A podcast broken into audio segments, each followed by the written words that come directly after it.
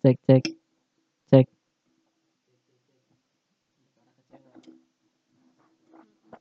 Kamu duduk di situ enggak Nggak di bawah aja.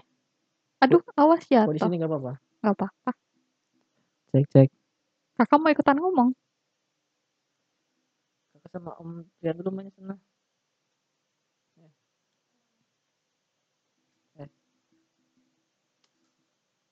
ayo sana dulu lah butet Ayo. Assalamualaikum. oke balik lagi di podcast after class Eh, masuk gak suaranya?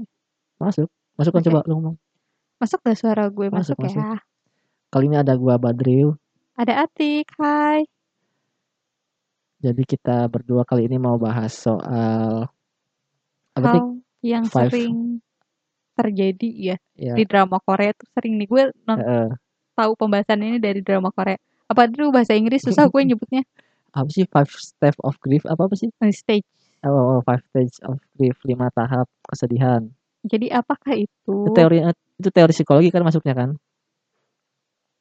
Iya ya, teori psikologi gak sih? iya kan kasih ada kelas Tapi psikologinya kayaknya dia itu nggak gue nggak tahu sih yang pencetusnya ini tokoh Iya, psikologi iya. atau bukan. Hmm, Cuman yang jelas dia itu penelitiannya di rumah sakit sih ke orang-orang yang eh dapat kabar atau lagi iya ngejalanin iya penyakit-penyakit serius Heeh, gitu. heeh.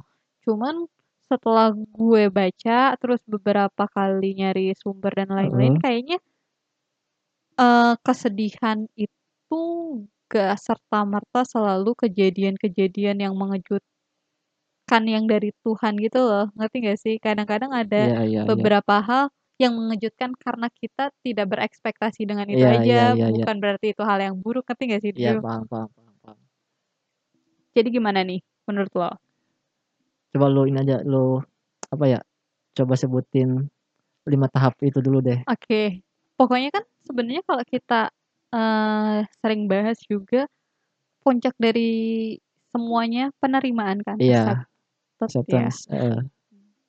Nah, si siapa sih nama tokohnya? Nyebutnya gimana sih? Yang Drew, lupa gue coba Elizabeth. Elizabeth apa ya? Pokoknya si Elizabeth ini ngomong, eh, Elizabeth Kulberos, dia Hmm. ngomong kalau ada lima tahap sebelum Iya, kita iya. menerima gitu loh. Menerima, sebelum menerima menerima accept. oh oh berarti di di dalam kesedihan itu ada lima tahap sampai akhirnya kita bisa menerima kesedihan itu Iya, penerimaan ini termasuk ke dalam step. tahap Mm-mm, finalnya kan berarti iya. Heeh. Nah, tapi banyak banget orang yang berkutat di lingkaran lima, oh iya iya iya eh, enggak Heeh, empat tahap heeh, sebelumnya heeh, ini. heeh. Bisa jadi lu udah loncat ke, misalnya lu udah menjalani keempat, tiba-tiba lu bisa balik lagi ke dua Hmm, atau ke hmm. satu. Itu drill. iya iya berarti butuh apa ya disebutnya butuh kesadaran yang lebih untuk bisa sampai ke tahap final itu ya Accepted. Heeh, Iya. acceptance-nya Gue sebutin dulu ya. iya iya eh, lima tahap ini. Nah, tahap yang pertama itu ketika kita sedih atau dapat sesuatu hal yang gak kita harapin, Mm, itu biasanya pertama kita denial gak sih? menyangkal Iya kan kayak iya iya enggak ah enggak gitu. iya iya kok." iya defend dulu Iya kan? Pasti defense-nya, defense. iya. Setelah defense, kayak defense kita tuh biasanya yang paling sebentar tuh. Mm, mm, mm. Karena abis itu pasti Iya. kebentur sama eh, realita, yang Realita, ada. iya, iya, Beberapa iya. orang ini itu ini itu atau dari diri kita sendiri Mulai menyadari. memunculkan pemikiran-pemikiran apa sih kakak memunculkan pemikiran-pemikiran kayak misalnya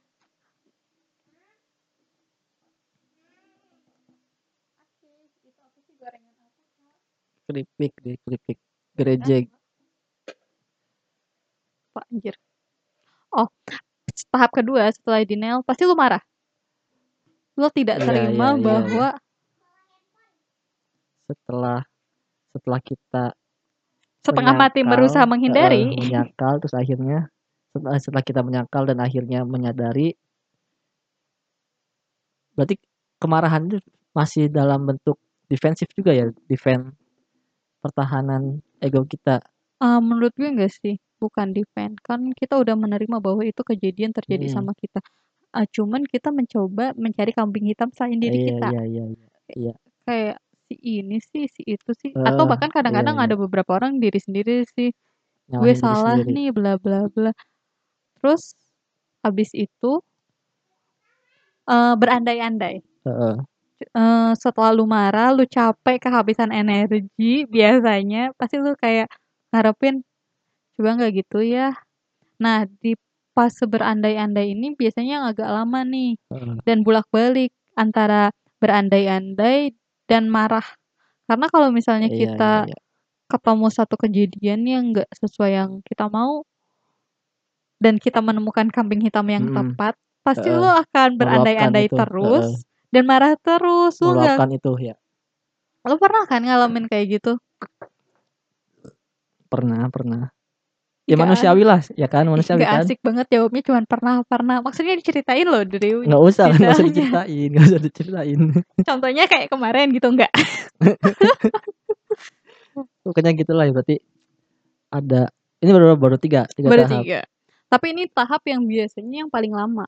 Susah buat mencapai tahap selanjutnya.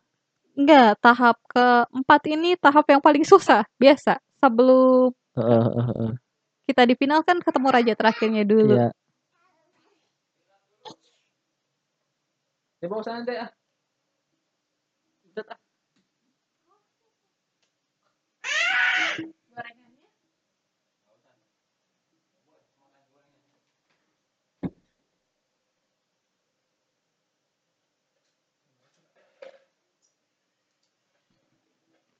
Gorengan, Drew. Grejek, Beb Beb. Beda, Drew. Lanjut. Ya sama sih digoreng juga. Tadi sampai mana? Sampai 4. Iya, yang ke-4 itu depresi. Nah, tapi depresi di Hmm. sini itu bukan depresi yang kita kenal, depresi yang biasa kita tahu apa coba? Jelasin dong, Drew, sebagai anak Stres, psikologi. stres. Stres sama depresi beda ya. Iya gitu. Sedih deh. Lama banget nih nggak rekaman atau lama banget nggak baca buku, Drew? Kan gua udah udah lama nggak nggak kuliah. Tapi kan belajarnya masih dong. Apa tadi? Ke-4 Depresi. depresi. Depresi It yang it lu depre biasa tahu heeh. tuh kayak gimana? Nggak, tahap itu yang yang Raja susah terakhir lah ya. yang susah buat orang Dilewatin. lewati. Kayak biasanya kebanyakan orang akan tenggelam di situ. tenggelam dalam depresi kesedihan. Mhm. Depresi di sini Heeh tuh kayak lebih ke arah antara satu cemas, Mhm. cemas kalau, "Terus gue gimana? Kalau Iya ini iya iya. begini, Mhm. ini gimana?" Kalau marah kan kita punya kambing hitam Mhm. dan berandai-andai dia nggak ngelakuin itu pasti nggak akan kejadian. Iya. Tapi biasanya hidup masih tetap berjalan, tapi kadang-kadang emang Heeh. fase ini tuh ngebantu kita untuk tetap tanda kutip "hidup" gitu. Mhm. Nah, di fasenya depresi ini kadang-kadang orang yang gagal dan ngerasa nggak jalan, biasanya stuck-nya tuh di sini nih, karena mereka ngerasa ya akhirnya jadi Mhm mhm. kayak pakai sepatu kaca gitu loh, Drew, takut ngelangkah Iya iya. mana-mana. Nah, kalau misalnya dia berhasil pasti ya ya udah, oke, ini Nah. kejadian di gue, oke gue harus berhati-hati, tapi ya mau nggak mau Mhm. tetap harus jalan kan. Nah, penerimaan di sini tuh tidak harus selalu lo udah nggak marah, lo nggak harus udah bisa menerima dalam tanda kutip "sepenuhnya." Lo nggak apa-apa marah, lo nggak Heeh. apa-apa masih ngerasa, eee, dunia nggak adil sama Iya. lo atau apa pun itu, tapi lo tetap bisa ngejalanin hidup lo selayaknya manusia, fungsinya manusia. Heeh Nah, kebanyakan orang yang udah ngalamin satu fase yang mengecewakan buat dia, tenggelam di fase depresi. Karena mereka ngerasa ya kan tujuan gue misalnya misalnya ya, Iya iya. cita-cita gue jadi pramugari, terus gue nggak jadi Iya. pramugari, terus gue hidup harus bagaimana Mhm mhm. padahal kan masih banyak pekerjaan lain. Iya. Gitu, Drew. Kok lu iya iya doang Berarti anjir? yang susah tuh tahap untuk bisa mencapai penerimaannya itu kan ya? Bahwa hidup tetap berjalan. Harus berjalan. Iya iya. gimana sih bahwa hidup harus berjalan. Nah, hidup hidup kitanya apa hidup orang lain? Hidup kita dong. Hidup Kalau kita harus tetap berjalan. iya, supaya apa ya, makanya kenapa lu sadar nggak sih angka bunuh diri itu di Korea. Tinggi banget. Nah, orang-orang tuh nggak bisa ngelewatin ini, padahal iya. mereka itu punya pilihan lain sebenarnya, tapi ketutup matanya bahwa karena Iya ini iya iya yang iya. gue tuju, Heeh ini heeh yang gue heeh. cita-citakan, ketika itu ilang Ya, berasa nggak punya tujuan lain. Mhm, ketika nggak punya tujuan, ya mau ngapain lagi sih? Iya. Ketika lu udah punya semuanya, terus itu diambil, padahal bisa loh, dan lo bisa dan kalau lu mau, pasti lu mampu buat balik lagi ke Mhm. apa ya, ke momen di mana hal itu bisa lu capai Iya iya. bahkan bisa lebih tinggi lagi, gitu Drio. Untuk apa ya, untuk menetralkan harapannya, harapan dan keinginannya. Jadi Nah. untuk ya kalau kalau lu udah apa ya, udah udah kelihatan atau udah bisa dipastiin nggak bisa mencapai harapan itu ya udah berarti tinggal nggak usah berharap ke situ lagi gitu kan, gitu nggak sih? Tapi kan nggak semudah itu ya, kawan. Iya, emang itu mah teori doang kan. Terus Jadi gimana Drio? Kalau gue lebih apa ya, lebih lebih tertarik buat ngebahas apa yang menjadi dasar kesedihan seseorang. Ah, kenapa ya? Itu ini kayaknya penyakit kaum milenial ya. Kenapa ya banyak orang yang ngerasa sedih dan feel Mhm. guilty ya, feel guilty, feel Iya lonely, iya. padahal seharusnya enggak. Kenapa ya Drio? Harusnya enggak gimana? Harusnya enggak, dengan akses segini banyaknya Iya, kita, kayaknya oh. kita nggak harus Iya iya ngerasa iya. sendirian nggak sih? Mhm Kayak mhm. akses komunikasi kalau lo nggak punya temen di dunia nyata kan lo Heeh. bisa ada simi-simi kan? Simi-simi dia bot bukan sih? Dia bot bukan? Bot, tapi kan jadi kayak ngerasa feel lonely banget gitu. Lu nggak emang nggak pernah ya ngedownload simi-simi anjing? ketika lu gabut, nggak ya? Enggak. Atau kayak sekarang banyak eee, appap app dates ya, Hah? app dates ya, kayak si Abu Oh. suka main ta Ini apa, apa namanya? Tinder, Iya, Bu date heeh, Bumble, date apps gitu. heeh, date apps. Heeh. Tapi kenapa tetep banyak orang yang ngerasa sedih, ngerasa sendiri, dan Mhm. ngerasa bersalah sama hidupnya? Karena Karena kebanyakan lihat Instastory bisa galau. jadi. Karena atau karena ngelihat Instastory temannya yang udah kerja, wadaw. Terus ngomong, "Lu iri ya?" Gitu. Nggak nggak boleh gitu Drio. Eee, yang yang apa, yang yang gue pengen tanya tuh eee, sebenarnya lu setuju nggak kalau gue bilang yang menjadi dasar sebuah kesedihan atau penderitaan adalah harapan? Iya. Iya, semua masalahnya di harapan kan? Iya ya, iya kan? Harapan sama Harapan dan keinginan. Iya, keinginan. Harapan dan keinginan beda Sama aja sih, sama aja.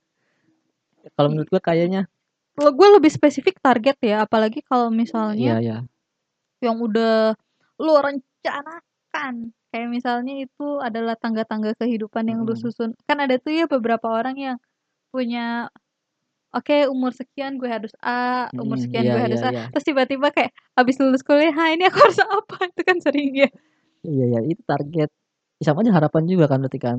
Tapi kalau harapan kan nggak ngoyo ya, kalau misalnya ada ya Mmm, iya iya iya kalau iya. enggak Ya tergantung tergantung apa ya, tingkat pengharapannya. Ya. Kita memasukkan apa ya, atau me menilai Kalau target kan nilai jelas. eee, memberi nilai harapan di satu atau di sebuah apa yang kita harapkan gitu kan. Mhm.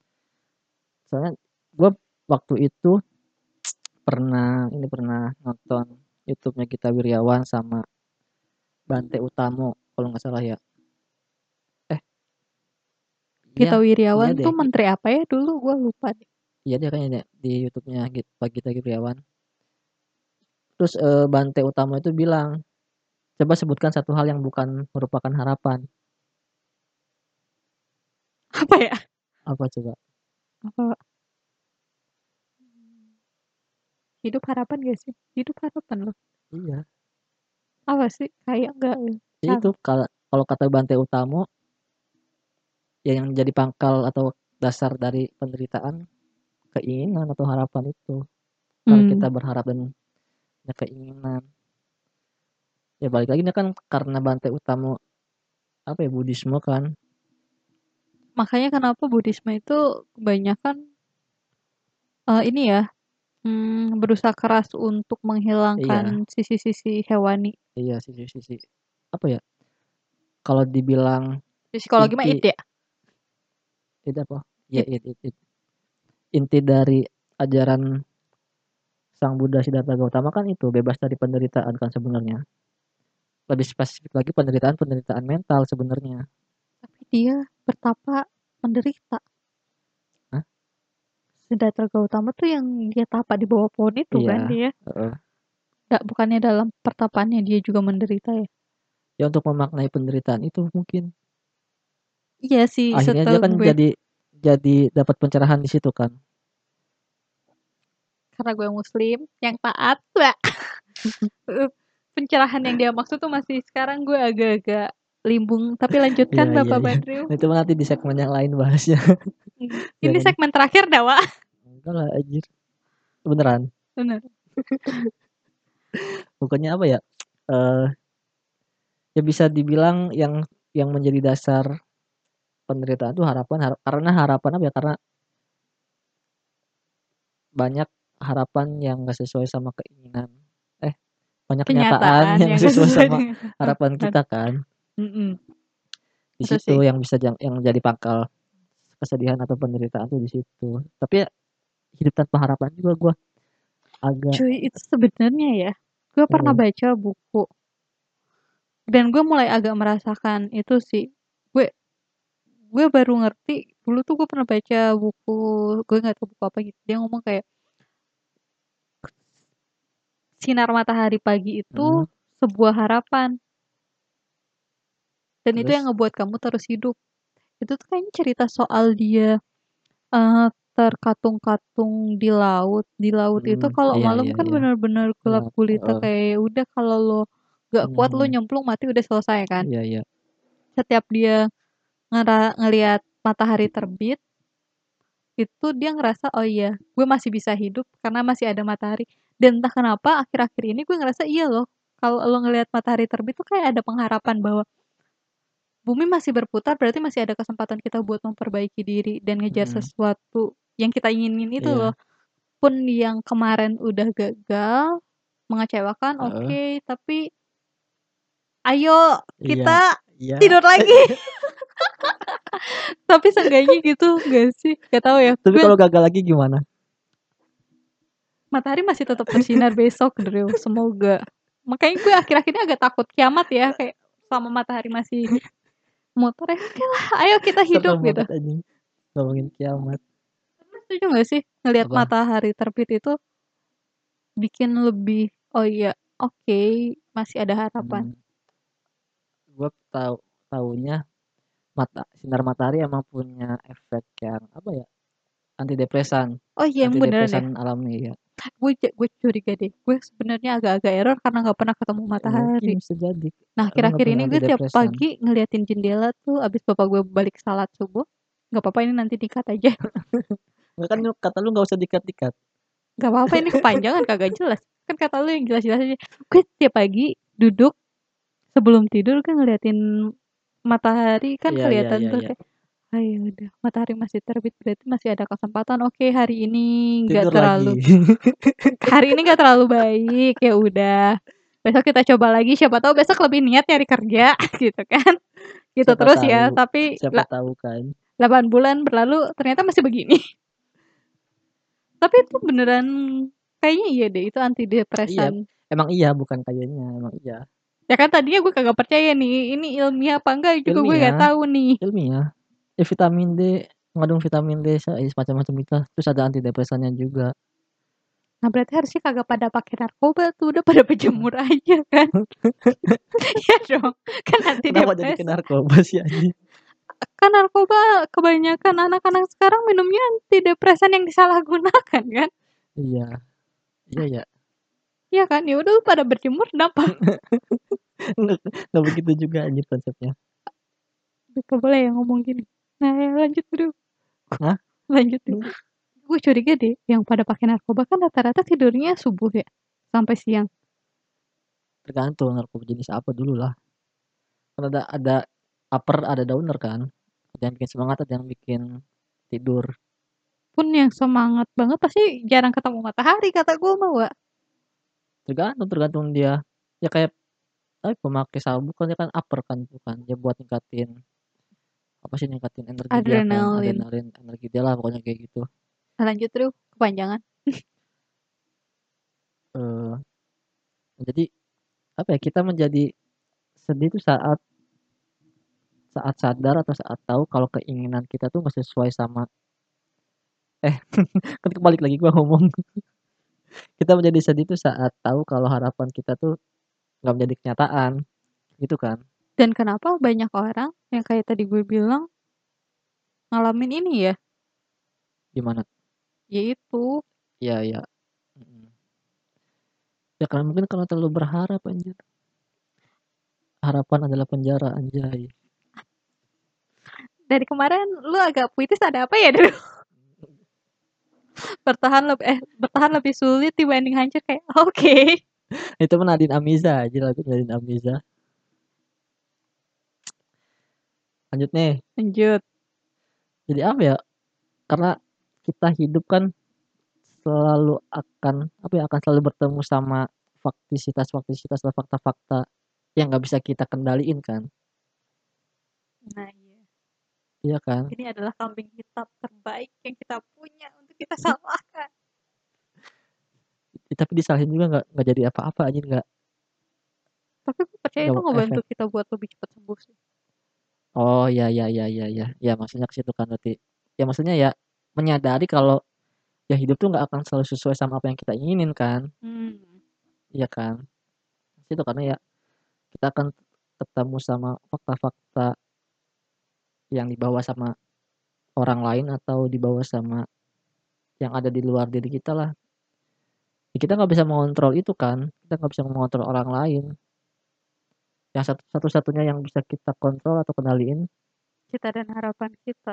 Tapi brengseknya bukan apa? pikiran kita Oke.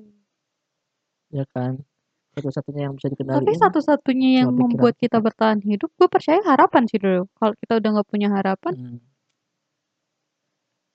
jadi kayaknya masalah itu ya Oh, emang gak akan iya. selesai guys. iya iya iya bisa jadi harapan lu apa Sekarang Heeh.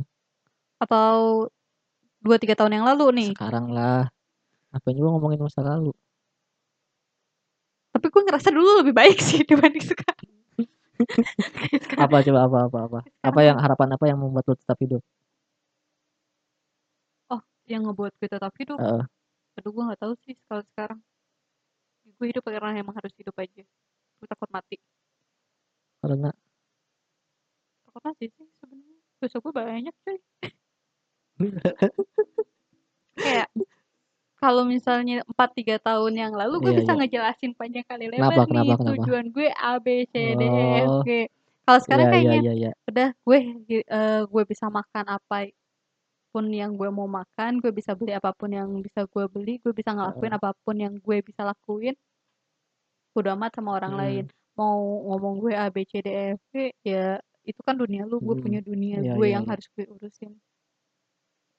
Walaupun agak sedikit membosankan, tapi kayaknya itu lebih aman sih. jadi lu sekarang nggak berharap apa-apa Gimana? sekarang lu nggak berharap apa-apa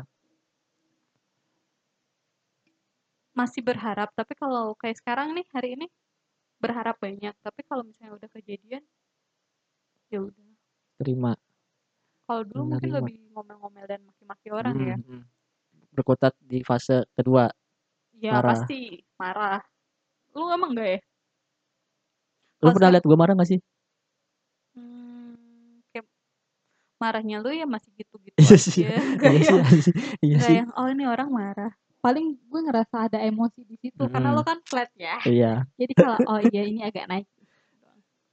Kayaknya Mungkin karena kita udah sering dikecewain jadi ya udahlah sih? Sering dikecewain. Lu ngerasa gitu nggak sih ketika Iya lu udah iya. keseringan ketemu itu, ya udahlah ya besok Heeh. kita coba lagi. Tapi yang yang mengecewakan tuh harapan kita apa orang lain sebenarnya? Karena saya Cancer, perempuan, Lainnya gue mulu ngerasa gue tahu gue berperan, tapi gue Iya. tetep ngerasa, ya kayak yang lu pernah Heeh. bilang tarik-menarik kan. Satu hal kejadian itu karena Heeh heeh heeh. A ketemu B gitu Mhm. aja, Iya gitu. iya iya. Jadi Emang gue ya pernah ngomong gitu? iya yang soal tarik-menarik itu loh. Lupa lagi gua. Hah. Itu. Jadi ya kalau misalnya gue melakukan kesalahan ya gue selalu nganggep Mhm. sekarang ya Iya iya. ya nggak bukan salah gue doang atau kalaupun orang lain salah ya mungkin gue juga salah. Iya iya. Kayak itu lebih mudah. Untuk ya udah. Untuk apa ya, untuk yang nggak dibawa stres aja kali ya? Nggak tahu ya, menurut gue lu kan kemarin ngomong Apa? eee, ya kita harus bertanggung jawab sama diri kita masing-masing. Apa sih kemarin lu ngomong tuh yang, "Ini adalah tanggung jawab masing-masing untuk menjalankan tugas bla bla Iya bla." iya. Di 1, 2 hal menurut gue akan jauh lebih mudah ketika, eee, ada tanggung jawab kolektif. Karena Iya. kalau ditanggung jawabin di 1 orang doang, itu berat. Tergantung jenis tanggung jawabnya kan tapi. Iya, tapi kalau misalnya dalam satu keputusan grup Mhm. atau koloni Iya. manusia sih harusnya tanggung jawab bersama ya. Keputusan bersama, nggak nggak bisa nggak Mhm, bisa iya ya iya udah iya lo iya. meranin tugas lo. Mhm. Itu kan bukan kerja sama, kadang-kadang yang diidam-idamkan manusia zaman sekarang menurut gue itu kerja Mhm. sama sesama manusia dalam mencapai sesuatu, ngerti nggak sih? Karena orang-orang sekarang tuh terlalu egois pengen menang sendiri, Mhm. bahwa ngerasa dirinya yang paling oke dan paling benar. Iya iya. Poin di mana mereka sadar bahwa kalau orang lain ngelakuin kesalahan bahwa kita juga ikut berpartisipasi pun begitu ketika kita ngelakuin kesalahan orang pun Iya iya. berpartisipasi, gitu Drew. Ya walaupun pada akhirnya kita yang tanggung jawab sendiri sih. Tapi bentuk tanggung jawabnya apa? Sampai sejauh mana lu ngomong itu adalah suatu tanggung jawab? Ini ngomongin apa sih sebenarnya? Banyak hal soal harapan dan lain-lain. Sejauh apa suatu hal disebut lo bertanggung jawab? Oh. Lu Oh. lagi ngomongin harapan kan, lo mikir Iya. ke mana nih? Udah. Ke-distract sama chatting-an anjir. Oke lanjut, chatting-an sama siapa sih, katanya. Itu Drew. Kayak misalnya ya, eee, hal yang paling mungkin mengecewakan buat gue itu bahwa eee, beberapa orang yang gue udah masukin planning di hidup Iya. gue dalam jangka Heeh. panjang ternyata nggak bisa Heeh. karena mungkin kesalahan gue. Nah itu tuh menurut gue dia juga harus bertanggung jawab, Mhm. pun gue harus Iya. bertanggung jawab atas Iya. keputusannya dia. Iya iya. Nggak bisa gue ya itu kan kayak terlalu egois sih? Oh, iya iya iya. Paham kan? Paham. Gitu, Ja. Mana tuh, Ja? Gitu, Ja. Tapi kan balik lagi harus apa ya, harus tetap ada tanggung jawab di peran masing-masing kan. Ya kan ya tanggung jawab juga kan Memerankan peran oke, tapi kalau tanggung jawab gue rasa nggak tanggung jawab secara personal aja, tapi tanggung jawab atas orang lain juga tetap harus Iya. Dijalankan sih. Lo terlalu egois dan ngerasa lo sebesar itu kalau lo hanya ngomong tanggung jawab buat diri lo sendiri. Emang lo sekuat itu untuk menanggung semua hal di diri lo? Kan enggak ya. Nanggung gue menanggung peran yang harus gue lakuin aja kan. Tapi kan kita makhluk sosial ya, Drew, yang Ini berhubungan konteksnya di mana di after class apa di mana di nih? semua hal. Kayak lu sebagai anak yang mama lu Heeh. sedikit banyak lo akan merasakan tanggung jawab kan Iya kalau iya. misalnya ada satu hal mama lo sakit. Heeh. Kalau lu ngomong, "Gue kan bertanggung jawab atas diri gue sendiri," lu akan ngurusin diri lo sendiri, lo makan yang Ya, cukup, bla bla bla maksud bla. maksud gue kan tanggung jawab di peran kan, peran. Nah iya, maksud gue, Peran tapi gue sebagai anak kan berarti harus bertanggung jawab juga Nah itu ngurusin orang maksudnya, tua. kan ada bagian kita harus bertanggung Heeh. jawab sama orang lain, nggak cuman Iya. bertanggung jawab sama diri sendiri. Kalau Tergantung perannya kan. Kayaknya karena kita makhluk sosial selalu berkaitan dengan peran Iya kan peran bersosialisasi juga kan peran kan? Mhm, Iya gitu kan? Drew. Jadi maksudnya gimana? Ya lu mau ke mana arahnya nih gue bingung anjir. Gitu Drew. Ini di-cut apa jangan? Hah? Di-cut apa enggak? Terserah. Kayaknya kalau ini nggak apa-apa deh. Kayaknya masuk. Enggak ya? Tapi gua pusing anjing. Tapi Gua lu ngerti nggak maksud gue nyambung nggak? gua. Hah? Ma lu ngerti nggak maksud gue? Ngerti ngerti ngerti. Kenapa orang selalu ngerasa sedih, feel guilty dan lain-lain karena mereka itu ngerasa Heeh. gak sesuai dengan harapan mereka. Iya. Terus tadi lu nggak sesuai harapan dia. Iya. Iya. Nah, yang jadi Iya iya. masalah kan memang manusia itu harus mengalami si 5 fase ini kan Iya. menurut si Rose ini. Elizabeth Elizabeth Rose Cuthbert ini. Heeh. Nah, gak apa-apa loh ada fase nyalahin orangnya, itu akan Hmm. memudahkan lu. Lu nggak boleh kalau Iya lu iya iya. kalau kalimat lu kan tadi kayak lu harus bertanggung jawab dengan diri lo, dengan peran lo sendiri kan. Heeh. Artinya lu masih denial bahwa ada orang lain yang bercampur tangan di kehidupan lu, ngerti gak sih? Kalau Iya gue iya ya. iya iya. Itu, Pak. Enggak sih gua nggak mikir ke situ. Mungkin mungkin iya, tapi gua nggak mikir ke situ. Mungkin ada nah, coba sudut pandang lu, kenapa lu mikir gak mikir sampai situ? Apa yang lu pikirin sampai lu ngomong kayak, "Enggak, kita tuh harus bertanggung jawab sama diri kita sendiri aja." Gue mikirnya kalau kita bertanggung jawab di peran kita masing-masing, ya nggak akan ada clash, nggak akan ada apa, tabrakan. Gue mikirnya begitu. Kalau kalau gua apa ya, kalau kalau roda roda mesin itu eee, semuanya berjalan lancar, ya nggak akan ada masalah, nggak akan ada trouble si mesin ini. Tapi jangan lupa suatu mesin itu juga ada rangkaian yang nggak bekerja masing-masing, berdiri masing-masing juga, Drew. Gimana gimana? Kayak misalnya bensin menggerakkan A, Heeh heeh. lalu ini, eee, gas iya. menggerakkan roda dan lain-lain, Iya. nggak tiba-tiba roda yang muter Hmm, sendiri iya. gitu. Ya kan itu kan perannya masing-masing kan, bensin perannya kan Tapi buat tetep kayak Dora gimana ya? Lu ngerti gak sih maksud gue? ngerti. Gitu, Drew, Iya. maksud gue. Tapi gue gue ngerti juga sih maksud lo.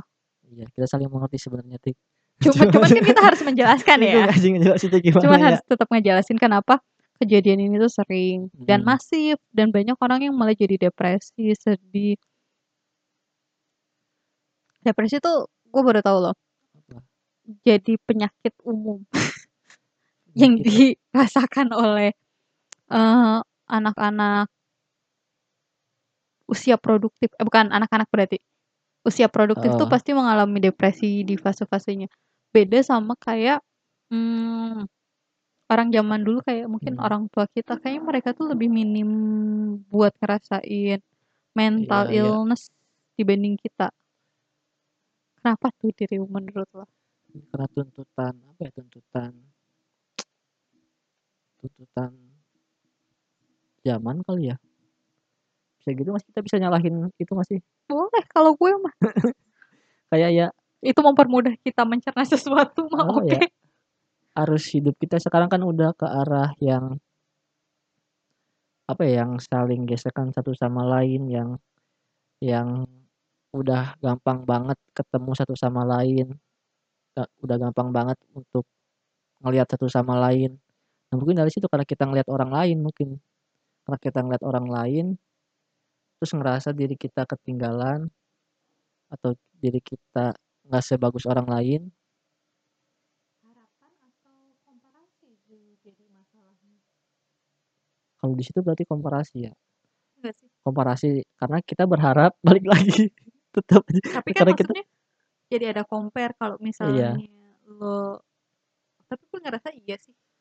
Ya mungkin iya, ya karena kita kalau gue ya mikirnya ya ka ka karena kita berharap kita jadi seperti orang lain, kita punya kerjaan kayak orang lain, kita bisa sukses kayak orang lain. Karena harapan-harapan itu kalau menurut gua. Itu. Akhirnya karena kita jadi akhirnya kita jadi sedih dan menderita. Anjing, sedih banget anjing. Padahal tadinya nggak mau bahas ini. Tapi gua masih apa ya, masih berpegangan dengan prinsip ya itu semua berawal dan berakhir di dalam pikiran kita. Dan gue benci banget deh, kayak kesannya kita nggak punya daya aja. Ya kan yang satu-satunya yang sesuatu. satu-satunya yang bisa kita kendalian kendalikan kan pikiran kita doang. Betul. Kita nggak bisa ngendaliin orang lain, pikiran orang Betul, lain tapi apalagi. seolah-olah kita adalah bagian terpisah dari semesta, Drio. Jadi kayak kita iya nggak iya. punya kuasa apa-apa. Mmm. Padahal eh gue kan umat muslim ya. Mmm. Mau sombong aina. Anjing. Sekarang gue jarang ketemu lu, gue bener loh, Kenapa jadi gua anjing? Kayak apa namanya, kayak yang selalu gue pegang juga, kayak Tuhan nggak akan ngubah nasib Iya suatu iya kaum iya. kalau misalnya kaum itu nggak ngubah, kalau Mhm misalnya mhm. semuanya ngomong Iya iya. semua akan berakhir eh, berawal dan berakhir di pikiran, ya udah lo Iya kan iya iya. Tapi gini, Tik, yang Oke. apa ya, yang yang gua telaah dari permasalahan kita nih, masalah ini ya, masalah Heeh. masalah apa namanya, kutipan ini, karena lu membawa prinsip itu ke ke dalam cakupan sosial. Kalau lu personal. Iya. Nah, maksud sebenarnya ini ada ada ada konteksnya juga gua, eee, ngomong ini waktu itu ya. Jadi konteksnya tuh ada temen gua yang curhat ke gua, dia bilang kalau apa ya, kalau ngerasa dirinya tuh nggak nggak berharga, dia ngerasa nggak dihargain sama orang lain. Dia bilang kalau, "Kenapa sih orang lain tuh nggak ngertiin dia?" Gue kenal. Karena gitu. Nah, terus Pertanyaan gue, gue kenal? enggak, gua nggak mau jawab. Oh iya, gue berarti Terus gue kenal. terus apa ya, ya ya gua bilang, "Kalau lu berpikir kayak gitu ya berarti lu salah. Karena lu nggak nggak nggak bisa minta orang lain buat ngertiin lu, lu nggak bisa minta orang lain buat, eee, berpikiran seperti apa yang lu pikirkan, karena ya orang lain ya orang lain. Dia nggak ada di posisi lu, dia nggak bakalan bisa ngerasain apa yang lu rasain." Kata gua gitu. Gue setuju sih sama itu. Iya, ya satu-satunya yang bisa kita kendaliin kan pikiran kita sendiri. Maksudnya karena kita nggak bisa ngendaliin orang lain, ya udah berarti yang jalan pintasnya ya kita ubah aja pikiran kita kan. Kayak Nah, kalau itu gue setuju, Drio. Iya, maksudnya dari awal juga Bukan maksudnya begini, Tik, Tik sebenarnya. kadang-kadang gue menangkap kayak, ya ini masalah berawal dan berakhir di pikiran gue, Tik. Jadi ya udahlah ya, kalau orang Iya. lain nganggep itu bukan masalah, jadi gue nggak Iya. akan menganggap ini jad bukan masalah Mhm. juga. Gue nangkepnya lu sering melakukan itu ya, Drio? Nanti kalau lu nggak nyaman boleh di-cut yang bagian ini.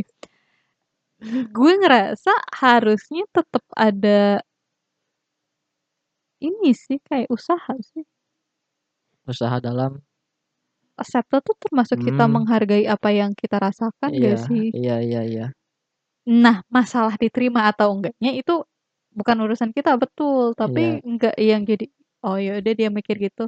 Kayak kemarin masalah kita, kayak lu ngerasa, "Oh ya udah, gue s kayaknya gue ada yang salah mikir." Enggak kok, gue juga ngerasa itu salah. Tapi kenapa lo nggak mau bersuara? Ya gue kalau bersuara gini-gini, ya walaupun akhirnya gue setuju ya Iya. sama lu ya. Eee, Tapi seenggaknya gue ngerasa gue usahain dulu, kalau nggak bisa ya udah. Mhm. Tapi kalau dulu mungkin gue lebih berapi-api sih. Tetap tetap harus ada usaha untuk ke situ, tapi ya balik lagi kita nggak bisa ngendaliin orang lain anjing, kita nggak bisa berharap sama orang lain. Kalau teori lu kan kita bisa narik orang lain loh. Dari yang Energi mana? kita tuh bisa menarik orang lain. Dan gue percaya itu sih kalau kita berusaha baik. Mmm, iya iya. Ya tapi namanya orang lain gimana sih? Kita terlalu tinggi mungkin iya. Itu loh, Drio, kayak kita tuh terlalu mengharapkan sesuatu tuh yang terlalu iya iya iya. detailnya Mhm itu, mhm. jadi kita kecewa. mematokkan apa ya, mematokkan bahasanya bagus nggak sih mematokkan? Tentu saja tidak. Apa ya? Eee Mematokkan tuh bahasa Indonesianya apa sih? Kita kita ngasih Tol tolok ukur. Iya, Ma kita matok ya? Tol to tolok ukur, Drio, bahasa Indonesianya sih. Bukan, bukan tolak ukur. Pokoknya kita kita matokin ha kebahagiaan kita terlalu tinggi gitu kan. Itu nggak menurut lo? Iya. Untuk menjadi bahagia. Bukan tinggi, terlalu kadang-kadang Tidak mungkin realistis. enggak, kadang-kadang bahagia yang kita mau nggak setinggi itu loh. Tap mhm. mungkin kita bakal mencapai itu, Iya. tapi itu bukan yang kita mau. Mmm. Misalnya ya, gue sering menemukan di milenial-milenial sekarang, gaji gede, kerjaan oke, Mhm. mmm, keluarga oke, tapi dia nggak punya pasangan. Jadi dia nggak ngerasa happy. Padahal sebenarnya Mungkin itu achievement yang lebih besar Iya dibanding iya dia iya punya iya. pasangan yang toksik, ngerti mhm. nggak sih? Iya iya, ngerti ngerti. Tapi karena dia udah matokin ini ini ini ini ini, ataupun sebaliknya ada orang yang punya pasangan yang sayang banget sama dia, tapi ternyata secara ekonomi mereka kurang. Heeh. Akhirnya ya dia tetap gak happy, padahal sebenarnya Iya itu iya. juga berkah nggak sih? Mhm. Berarti balik lagi ke mana ya? Mana tadi, Rio? Eh, lu nge-post ya? Hah? Temen gue nanya loh, gue nggak gue kan diajakin sidang sama dia kagak mau, lu post. Lu post muka gue nggak? Nggak kan? Enggak. Temen gue tahu ya, gue rekaman. Lu rekaman, aduh gue panik. Ya dia ke rumah lu kali nyariin lu. Oh ya. Ya Ya udah, ya udah. Itu Drew. Jadi apa ya? Berbahagialah. Nikmatin aja apa yang ada di depan, usahain kalau udah nggak berhasil ya udah. Udahlah gitu aja kali ya? Oh, kesimpulannya apa? Nggak perlu nggak perlu ada kesimpulan lah. kesimpulan dong, Drew. Kesimpulannya apa ya kesimpulannya? itu apa? Itu mah dari lu, lu kan Mas. Kak, lu dari tadi kayaknya gue ngomong mulu, lu mah. Apa ya, men ya ya menerima kesedihan wala walaupun susah ya, walaupun gua tahu gua cuman bacot doang di sini. Iya. Tapi balik lagi ya menerima walaupun menerima itu susah, tapi ya kalau nggak diterima ya lu bakal balik lagi ke fase-fase itu, berkutat di fase depresi itu kan. Iya. Kalau lu nggak menerima ya, ya udah lu nggak bakalan ke mana-mana. Kayak Jalan kita ya? jalan jalan keluarnya di situ aja kan berarti? Iya. Iya. Satu-satunya jalan keluar di situ kan, di menerima kan? Nerima tuh kayak lebih ke arah pintu nggak sih? Iya, jalan keluarnya berarti kan? Jalan keluarnya. Iya. Jalan keluarnya cuman ada di menerima, acceptance, menerima kesedihan walaupun susah, walaupun gua tahu gua bacot doang ya. Nggak ada nggak ada apa ya, nggak ada kesulitan yang yang mudah bagi siapa pun. Iya, sebe sekecil apa pun masalah lu, ya kalau menurut lo itu susah ya Iya. nggak apa-apa, emang itu susah. Iya. Apalagi orang lain yang bilang, "Ya elah segitu doang ya elah segitu doang," kan nggak bisa kayak gitu kan.